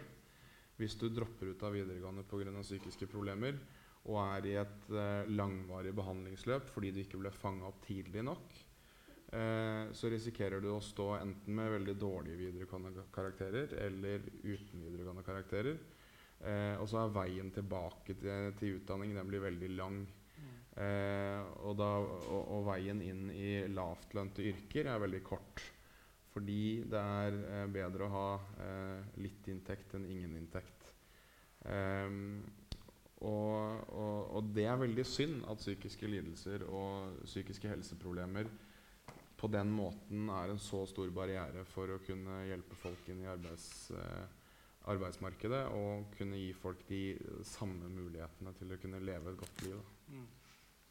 Um, Helen, er det spesifikke målgrupper dere jobber eh, med og for? Mm. I Kompass og Co. så jobber vi med ungdommer da mellom 15 og 25 år. Altså Vi sier at vi gir ungdom arbeid. Eh, eh, og det er jo ikke alle ungdommer, eh, men det er ungdommer som gjerne har lang fartstid i Nav og barnevern. Eh, det er ungdommer som jeg sa i stad, som ikke stoler på voksne, eh, har liten tillit til voksne. Eh, de kan veldig godt dette her med tiltak. De har liksom vært med på alt mulig rart av eh, prosjekter og aktiviteter for å prøve å få dem inn på skole igjen eller sånn. Eh, og så hva var, sorry, hva var, spørsmålet ditt igjen? Spørsmålet er er det spesifikke målgrupper dere jobber med og for? Ja. Um, og det som jeg tenker I forhold til det som er temaet liksom senere i dag, da, det vi også ser som så å si nesten alle altså er en, Ungdommer er jo ikke en homogen gruppe. De er veldig forskjellige. Um, men det som veldig mange har mye til felles med, er at de har blitt mobba. Mm. Dessverre. Um, ja. Og Foreløpig nå så jobber vi bare i Oslo. Hva, hva gjør sysselsetting med barn og unge? Det gjør først og fremst at de opplever at de faktisk mestrer noen ting. Selv om kanskje første gangen hvor de kommer til oss, så skal de skjære, skjærer de én paprika på to timer. For eksempel, og så kan det være at neste gang de kommer, så skjærer de to paprikaer. Eh, og så om ett år så lærer de bort til noen andre hvordan de kan skjære en paprika. Så da opplever de en sånn Ok, ja, nå har jeg lært noen ting. Kan, det er også noe jeg kan lære bort til noen andre. Jeg besitter en kunnskap. Og når de gjør det, så blir de også kjent med da, andre ungdommer som jobber i Kompass og Co. Og så tenker de at det, kanskje det er noen andre ting i livet mitt som jeg ønsker å gjøre noen ting med. Som ikke er helt fornøyd med. Kanskje det er noen venner som ikke er helt bra for meg. Eller kanskje jeg gjør noen valg som ikke er helt sunne. Kanskje den maten jeg putter i meg, rett og slett ikke er bra. Så da begynner du å gjøre noen sånne små endringer og når vi da, for, liksom første gangen vi møter dem og sier 'Hva drømmer du om?', så bare 'Jeg vet ikke. Jeg drømmer ikke om noen ting'. Og så til at det da har jobbet hos oss kanskje to-tre år, så er det sånn ah, 'Nå har jeg endelig funnet ut hva jeg drømmer om. Nå vet jeg hva jeg vil. Nå vet jeg akkurat hvilken linje jeg skal søke på, eller hvilken lærlingplass jeg skal gå. Og da er det liksom veldig sånn fokusert. og bare sånn, yes, dette får jeg til. Jeg er en ressurs. Ja, Veien blir til mens man går. Ja. Eh, hva gjør fattigdom med barn? Eh, det fører til rettighetsbrudd. Eh, Eh, det fører til en ganske kraftig diskriminering av mange barn. Eh, det fører også til eh, at barn får veldig mye dårligere psykisk helse. Og, og ikke minst at fattige barn, eller barn som, som lever under fattigdomsgrensa i Norge, ikke deltar på samme linje. Enten det handler om politikk eller det handler om egentlig hva som helst, så har man ikke den samme muligheten til å, å, påvirke og delta. Eller man har den samme muligheten, men man vet kanskje ikke at den er der. Og det handler nok også om, eh, om møteplasser og, eh, og, sosialt nettverk. Jeg tenker at Når man snakker om psykisk helse, så må man være klar over det at psykisk helse er litt som penger. Du kan ikke bruke mer enn det du har. Eh, og det lønner seg å spare. Hvis du klarer å sette inn, eh, å sette inn ting på den kontoen, eh, av gode opplevelser og, eh, og putte inn eh, det du opplever som bra i livet, altså velværeting og eh, mestringsopplevelser og alt mulig sånn, eh, så har du en del som du kan ta ut når det kommer en regnværsdag. Hvis du hele tiden lever under forhold som er belastende, om det er dårlig økonomi, om det er en overgrepssituasjon, eh, om det er mobbing, eh, så blir du tvunget til å ta ut ting av den kontoen hele tida. Eh, og når det da kommer en, en eh, livsbelastning da, som for de aller fleste, eller som for alle egentlig kan karakteriseres som en normal utfordring, normal livsbelastning, så har man ikke igjen nok på den kontoen til å kunne klare å takle det. Uh, og det er de, uh, de, opplevelsene som ofte blir uh, utslagsgivende sånn trigger for at du utvikler en type psykisk lidelse. Eller en, at du går skikkelig på trynet. Mm. Og da tenker jeg at det er mye man kan gjøre på ganske mange forskjellige nivå. Um, det viktigste er selvfølgelig de store systemiske forandringene som kan bringe barn ut av fattigdom. Eh, men også, også, det å lære å skjære en paprika. Liksom. Det å sette inn noen ting på den kontoen. Og Eh, det å finne arenaer for mestring og skape arenaer for mestring tror jeg er helt nødvendig. Eh, de arenaene som, man, eh, som de fleste mestrer på, er jo enten skole eller jobb. det er de vanligste arenaene man opplever mestring, og at man får til noen ting. At man føler at 'jeg bidrar til samfunnet', eller 'jeg er verdt noen ting'. Eh, og hvis man står utenfor de arenaene, så blir det også desto viktigere at det fins andre typer arenaer hvor man kan oppleve mestring.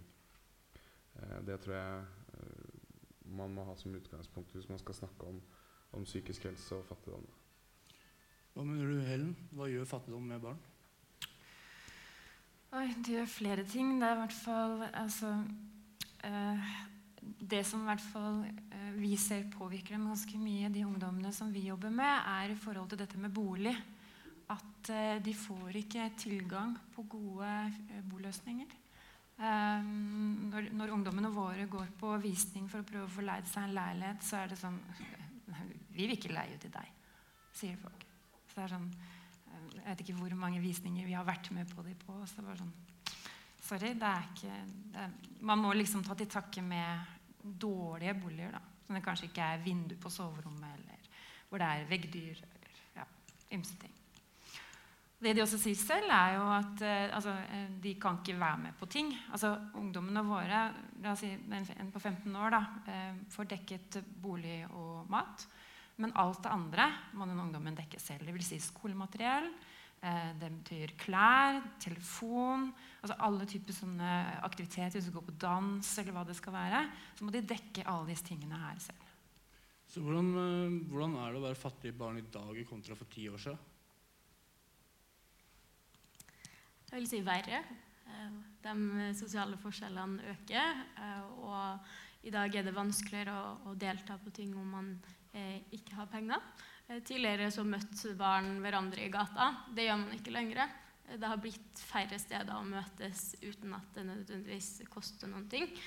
Og det tror jeg bare skaper, skaper det enda vanskeligere for barn som er fattige, å være med på ting. Enten det handler om fritidsaktiviteter eller det handler om skole som igjen også skolemateriell um, generelt over hele linja at det er vanskeligere å delta i samfunnet i dag enn det det var for, for 10 år siden eller for 20 år siden.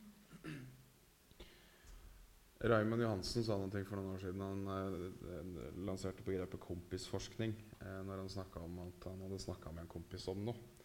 Det er jo det jeg gjør nå, for så vidt. Eh, jeg snakka med mora til en kompis for, ganske, for en del år, år tilbake. Eh, hun er alenemor for denne vennen min eh, og har eh, levd i fattigdom. Etter et brudd med barnefaren som Eh, som var narkoman. Eh, så ble liksom hovedfokus på å ta vare på sønnen sin av min kompis. Eh, og, og, gi han et noenlunde greit liv. Og det hun sa, som jeg husker som sitter i meg fortsatt, var at det var så mye lettere å være fattig før. For da var vi i det minste fattige sammen. Nå er vi fattige helt aleine. Hver for oss. Det er liksom ikke mulig å, å, å ta kontakt og, og, og, be om hjelp eller hjelpe hverandre. Eh, fordi eh, man er så mye mer ensom. Jeg tror ensomhet og isolasjon er noe som preger samfunnet vårt i dag. Uavhengig av om du er fattig eller ikke. Altså, eh, vi har jo ma mange eksempler på, på, på vellykkede mennesker med høy inntekt som som velger å avslutte livet. Fordi de opplever at det er ingen De opplever ikke at de har noen å snakke med. Eh, og tradisjonelt sett så, så, snakker vi om ensomhet og isolasjon eh, som om, altså, med de menneskene som faktisk ikke har noen. At de sitter alene i leiligheten sin og har enten ikke har jobb eller eh, ikke har noen venner på jobben. Men vi må også huske på de som har et stort nettverk, eh, men som føler seg helt alene. Uh, jeg tror den opplevelsen av isolasjon forsterkes bare av uh, alle mulige duppeditter og sosiale medier, hvor vi er så selvsensurerende at vi ikke klarer å legge ut noen ting som er negativt. Og når noen prøvde å bryte den trenden med at vi har disse fasadene, så kom det en sånn hashtag på Facebook og Twitter som het 'Bak fasaden'. Og da satt jeg litt med hodet litt i hendene. Altså, fordi det, det som skjedde, var at uh, istedenfor at man beskrev de utfordringene og de tilkortkommenhetene man hadde i hverdagen om at man ikke fiksa ting, så beskrev man ting på en måte som du besvarer et spørsmål på jobbintervju om hva er din svake side. Altså Når du svarer at eh, jeg har litt problem med at jeg jobber jævlig hardt, så er ikke det noe du snakker om. Det er ikke det en svak side. Og det er ganske gjennomsiktig også. Da, jeg husker spesielt godt at jeg så et innlegg på Facebook som var um, det blir alltid så mye rot når jeg har bakedag med barna. Hashtag bak fasaden. Og så var det bilde av et kjøkken som det var liksom mel som var sølt litt rundt. Og det jeg satt og tenkte, var å ja, du har energi og overskudd til å bake med barna dine, du. Eh, det er jo ikke noe bak fasaden. Eh, og den ensomheten og isolasjonen som mange opplever at man ser at alle er vellykkede, og det ser man og når du ikke har muligheten til å ha en sånn telefon som du har på gulvet der, eh, fordi du ikke har penger til det, når du ikke har eh, de mulighetene, så tror jeg det forsterker den der følelsen av at jeg er helt alene. Det er ingen andre som har det som meg. Og det er også noe som forsterker psykiske helseproblemer. Altså Ingen forstår meg, ingen har det som meg. Eh, og det er derfor folk, når de blir medlem av Mental Helse Ungdom og kommer på et treffsted og snakker med andre, så skjønner de at det er masse folk som meg. Jeg er ikke alene. Eh, og det å finne sånne fellesskap tror jeg er kjempeviktig. Eh, og om man nå en gang er fattig, så tror jeg det er som uh, hun mora til kompisen min sa, at det er lettere å være fattig sammen. Så hvorfor stiger antallet fattige barn? Det er sikkert mange som kan svare bedre på det enn uh, en meg. Eh, men det ble nevnt her at mye av økningen Eh, er blant eh, innvandrerfamilier. Eh, men jeg tror grunnen til at det er økningen, og grunnen til at det er økningen sånn uansett, er at vi ikke har klart å gjøre de riktige tiltakene. at vi ikke har klart å sørge for at alle har like muligheter. At de utjevnende tiltakene, sånn som barnehage for eksempel, og aktivitetsskole, SFO eller hva det nå er, ikke er tilgjengelig for alle, det tror jeg er viktige årsaker til at, uh, til at fattigdom øker. Fordi det er jo denne sosiale arven. Uh, at man tar for gitt at, uh, at hvis en familie har vært, på, vært sosialklienter, så blir neste generasjon det òg. Eh, og det er den selvoppfyllende, selvoppfyllende profetien som jeg tror er eh, vanskelig for mange å bryte ut av. Eh, og da er vi nødt til å ha de utgivende tiltakene for å kunne sørge for det. Der eh, tenker jeg også litt inn på det her med eh, innvandrer- og flyktningfamilier også. At eh, man har in, Man snakker veldig med to, taler med to tunger i Norge akkurat nå. Eh, på den ene sida så ser man at, at det den gruppa er dem som øker mest blant de fattige. Eh, og samtidig så velger man å senke tilskudd til integrering, og man velger å kutte i midler til språkopplæring, f.eks. Litt sånn som dere var inne på her i sted i den samtalen om at eh, språk også er en barriere som gjør det enda vanskeligere å delta. Eh, så jeg tror også at det er tiltak som vil fungere, og det som er fint med fint med denne problematikken oppi alt det som er trist og vanskelig, er at det finnes veldig mange gode eh, tiltak som ikke bare løser opp i barnefattigdom, men også veldig mange andre ting. Så det finnes mange gode tiltak, men det handler også om å finne de tiltakene som er riktige, eh, og sette inn krefter der. Og da har man nødt til å snakke med dem det faktisk gjelder, i stedet for å bare famle i blinde. Så tror jeg Det er viktig også, det er én ting som politikere ofte drar fram når man snakker om sånne type tiltak. Og det er at de roser frivilligheten. Mm. Sjøl har jeg bakgrunn i frivilligheten, og jeg tror det er viktig at vi påpeker det. At eh, de, som, de, som, bruker frivillige organisasjoner, og de som blir aktive i frivillige organisasjoner, de som får en karriere gjennom dem og får løfta sin egen karriere gjennom å være aktiv i, i, i, frivillige organisasjoner, de er ikke de samme menneskene som er i, i de svake gruppene. Eh, vi må erkjenne at frivilligheten ikke, altså, den er ikke tilgjengelig, i hvert fall ikke tilgjengelig nok, for marginaliserte grupper. De aller sykeste når det kommer til psykiske lidelser, er ikke med i Mental Helse Ungdom eller Mental Helse. Eh, og de aller eh, svakeste gruppene som selv ikke er i stand til å formulere sine egne behov, de organiserer seg ikke, og de blir holdt på utsiden av frivilligheten.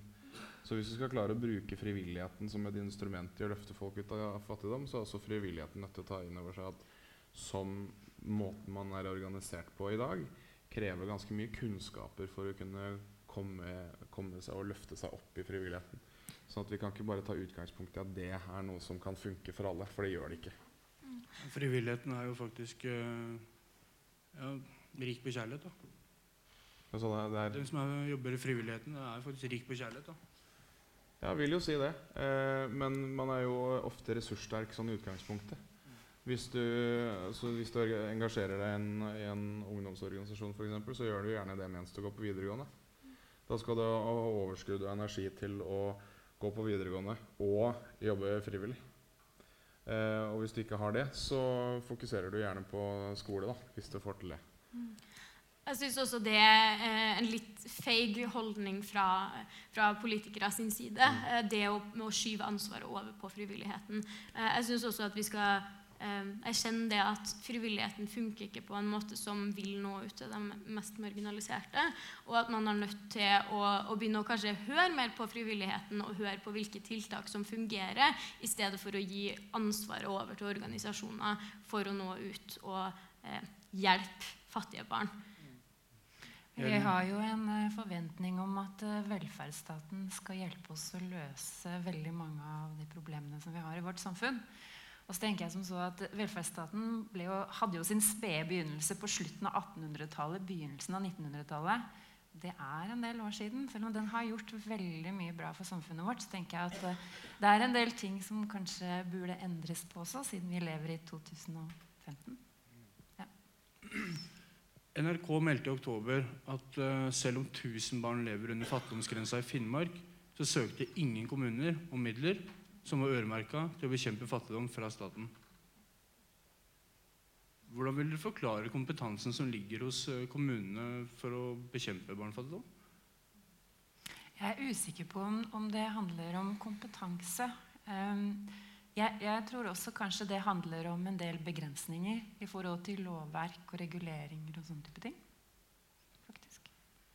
Fordi, eh, og så tror jeg nok det ligger noe i engasjement. Fordi det at man er ansatt i en stilling og engasjert i en sak, det er ikke nødvendigvis det samme. Jeg tror mye av det handler om engasjement. Eh, dette er, altså det ligner jo veldig på eh, den kampen vi har kjempa for at eh, man skulle fortsatt ha øremerka midler på, for psykisk helse etter slutten av opptrappingsplanen for psykisk helse som gikk fra 1998 til 2009. Da fikk vi et voldsomt løft i kommunene. Og etter at de øremerka midlene forsvant, så forsvant også veldig mange av de stillingene som var knytta opp til det. Eh, og eh, altså Sjøl er jeg også lokalpolitiker på si, så dette høres kanskje litt rart ut for de som vet at jeg er det. Men jeg stoler ikke på kommunepolitikere. Eh, jeg stoler veldig på meg selv i mitt kommunestyre, at jeg skal gjøre det jeg kan. Eh, men jeg stoler ikke på kommunestyrepolitikere, fordi det som skjer, er at man er hele tiden påvirket av pressgrupper og de som skriker høyest.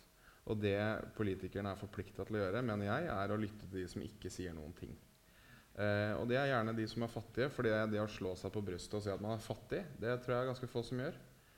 Eh, det er noen, eh, inkludert meg selv, som slår seg på brystet og sier at eh, jeg har papirer på at jeg er gæren, Få hjelp. Eh, og så er det noen som er såpass eh, sjuke at de ikke får til det heller. Eh, og da er man, Hvis man ikke øremerker midler, og dette, i dette tilfellet så er jo det ting man kan søke på ikke sant? Mm. Eh, og det samme ser vi når, når eh, helseministeren går ut og sier at vi øker potten til kommunepsykologer med 45 millioner. Så blir jeg frustrert over kommuner som ikke tenker 'yes, det skal vi gjøre'. Eh, sånn at det krever eh, på den ene siden eh, at man har eh, mulighetene for å gjøre det i kommunen sin, men også at man har det engasjementet der. At kommunepolitikere sier at vi skal gjøre noen ting med at det er så mange fattige i vår kommune vi skal gjøre noe med at det er så mange unge mennesker som sliter psykisk uten å få hjelp for det. Og alle de tingene her som samla sett kan bidra til et ganske stort løft. Eh, men da, da, tror jeg vi må slutte å stole på at kommunepolitikerne kommer til å eh, si, forklare den personen som ringer inn og er helt fly forbanna for at det ikke er strødd, eh, at, eh, at penga går til eh, psykisk helse og fattigdom. Vi begynner å gå ut av latin, men Karoline? Ja. Um, jeg er veldig opptatt av at det skal ikke være tilfeldig om man får god hjelp eller ikke.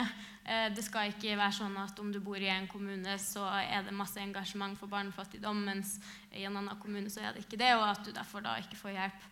Um, så Derfor så syns jeg at, det, at man, det, burde være et krav at alle kommuner har handlingsplaner mot barnefattigdom. Uh, uansett hvor, hvor, kjedelig og tørt det høres ut, så er dokumenter å, å slå i bordet med viktig. Uh, det er også viktig for frivilligheten å kun på en måte ha hånd håndfast å gå, uh, gå ut med. og jeg tror at det å lage handlingsplaner sammen med barn og, og ha høringer med barn i kommunen og lage kommunale handlingsplaner kanskje kan være et godt tiltak. Eh, og så er jeg enig i at øremerking er helt riktig. Selv om det kanskje begrenser handlingsrommet, så er det vel så viktig at det ikke går til asfalt og andre typer ting. Altså Det er jo øremerking fordi det begrenser handlingsrommet. Det er kjempebra. Tommel opp. La oss frata dem så mye de kan. Hva, hva spesifikt av forebyggende arbeid er det som fakt, faktisk fungerer? Helen? Jeg tenker i hvert fall fritidsklubber er utrolig viktig. Eh, jeg, blir alltid så irritert hver gang jeg hører at nå er det nedskjæringer her og der. og så Det første man kutter, er fritidsklubbene. Så tenker jeg, er, Hva er det for noe politikk? Um, men jeg, altså, sånn som de to som sitter ved siden av meg her, det er utrolig viktig det arbeidet dere gjør. Og det er også sammenfallende med det vi gjør i forhold til sosiale entreprenører. Bedrifter som jobber med fattigdomsproblematikk. Eh, nå er det jo også sånn at for Barne-, ungdom- og familiedirektoratet de deler jo ut 149 millioner hvert år til barn og, nei, fattigdomsbekjempelse blant barn og unge. Um, så det er jo sånn at uh, mulighetene fins jo. Men uh, ja, hva mener du, Karoline? Hvem uh, tiltak forebyggende arbeid er det som faktisk fungerer? Jeg har ikke lyst til å svare på det. Jeg representerer dessverre ikke, ikke alle barn og unge i Norge. Og som jeg har sagt tidligere, og jeg sier det igjen, man er nødt til å høre på barna det gjelder. Man er nødt til å ta det på alvor. Barn har rett til å bli hørt eh, i saker som angår dem, og det her angår jo absolutt barn og unge. Eh, og, og, jeg tror nok ikke jeg er den riktige til å si hva som fungerer. Det tror jeg man heller skal høre på de barna som har, har stått oppi i de her utfordringene sjøl. Bra svart. Adrian, kort. Jeg er helt enig i det. Det er ofte det jeg sier når psykologer spør meg hva er det barn og unge, hvordan vil barn og unge bli møtt. Så spør jeg har du spurt barn og unge. Eh, for det er veldig vanskelig å, å, å man, altså Jeg vil aldri kunne si at jeg representerer alle barn og unge.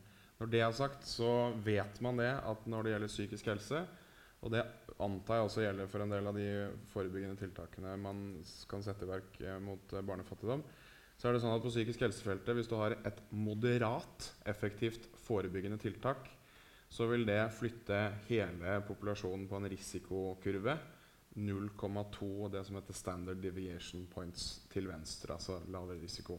For hele befolkningen så har det veldig lite å si. For de som er i risikogruppen, så fører det nesten til en halvering av de som er i risikogruppen. Så vi er nødt til å sette i verk tiltaket, og det er dette som er forebyggingsparadokset at god forebygging hjelper ikke en dritt for nesten hele befolkningen, men for de som er i høyrisikogruppene, så hjelper det veldig mye.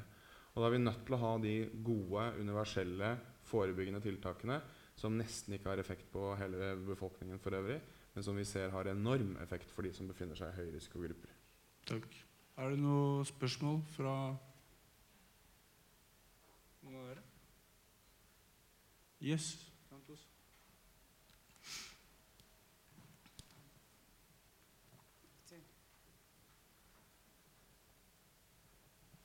Hallo. Jeg heter Magnar Sortåsøkken og kommer fra stiftelsen Rettferd for taperne. En medarrangør her i høyeste grad. Først jeg syns dere er utrolig flinke. Klare og fine budskap. Det bør dere egentlig få en ekstra klapp for.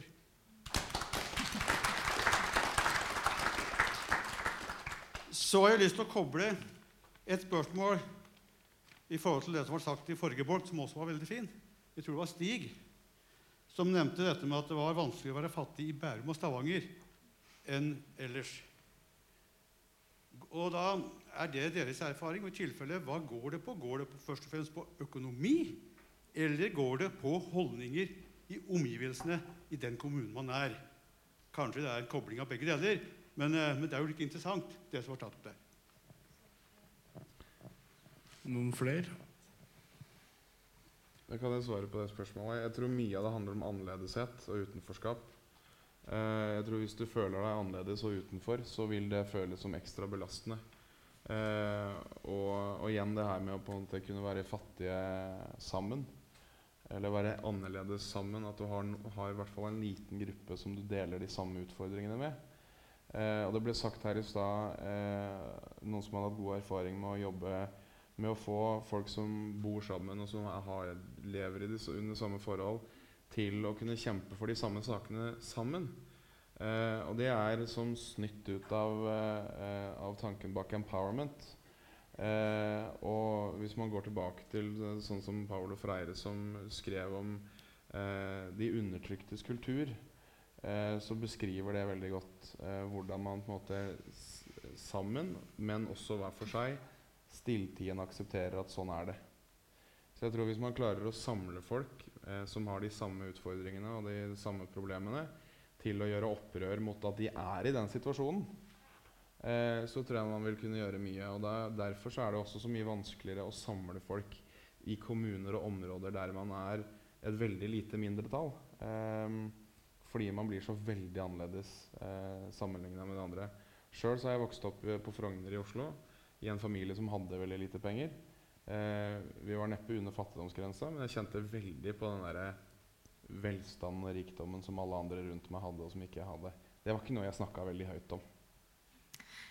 Jeg tror vi skal være veldig forsiktige med å si at det er verre et eh, sted enn et annet. Eh, jeg tror nok at alle de barn som, barna som opplever å vokse opp i fattigdom, opplever det ganske eh, ubehagelig alle sammen. Og av og til så er det sånn at tallet har kanskje ikke så veldig mye å si, eller antallet med barn som er fattige, har ikke så mye å si, fordi det enkelte barn opplever det like ille. Så jeg syns vi skal være veldig, veldig, veldig, veldig forsiktige med å si at det er ille et sted og mindre ille et annet sted. Var det et spørsmål til?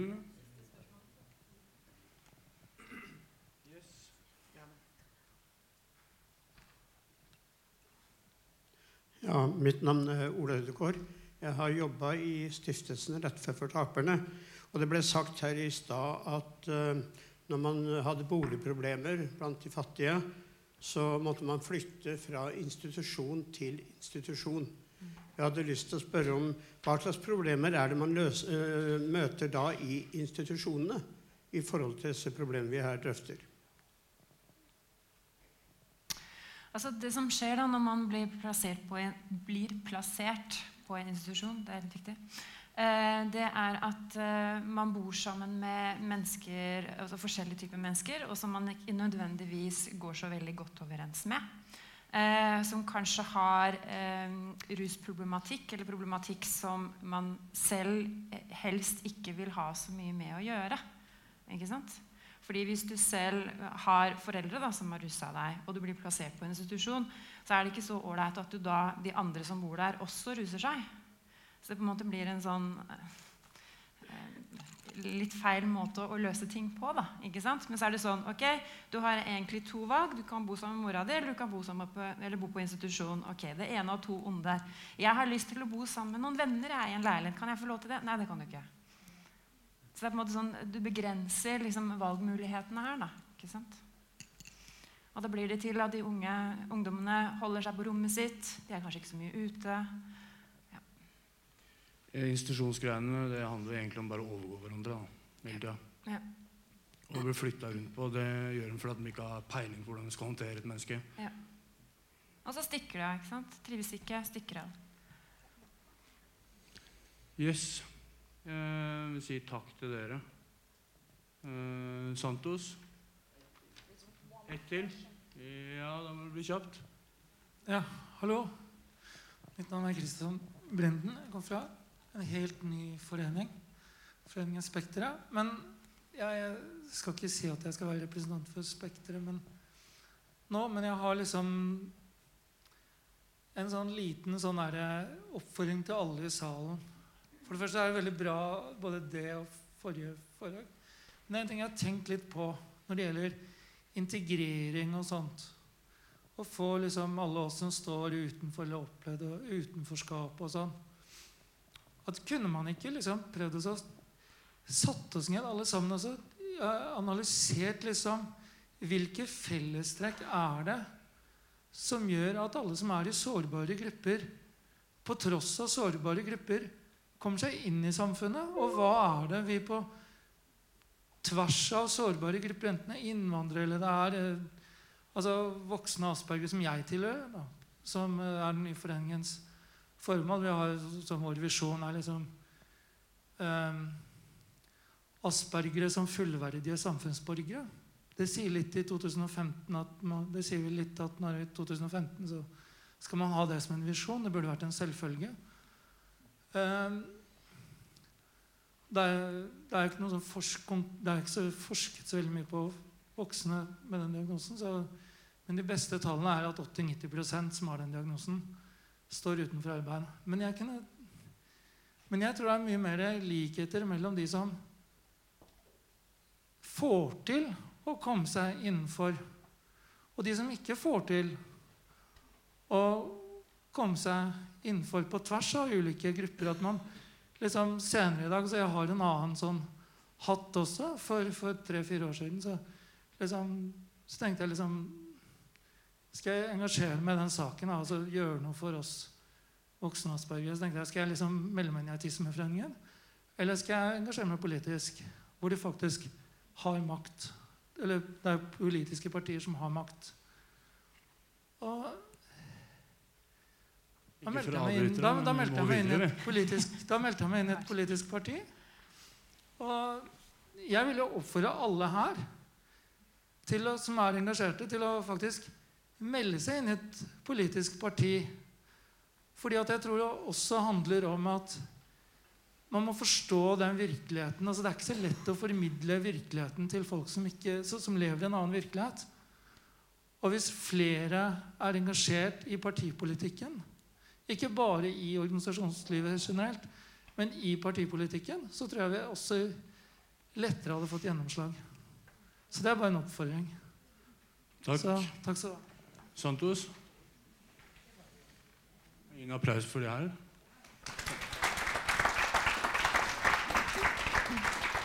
Det er Adrian fra Mental Helse. Og Karoline fra Press. Og Kompass og co. Helene. Helene.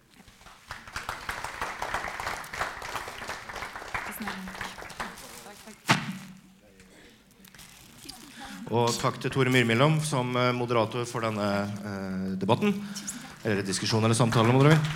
Da er det lunsj fram til klokka er ett. Eh, og da følger dere Kristin her ut den veien der. Så det er litt sånn Litt sånn tur dere skal ut på før dere maten venter. Så da er det lunsj til klokka er ett. Så ses vi igjen da. Og da er det Odinstiftelsen som eh, er på plakaten neste. Vi må prøve å få til Ja. Ja. Alle må bli med nå med en gang, for vi skal ty på andre sida av stadion. Følg etter Kristin.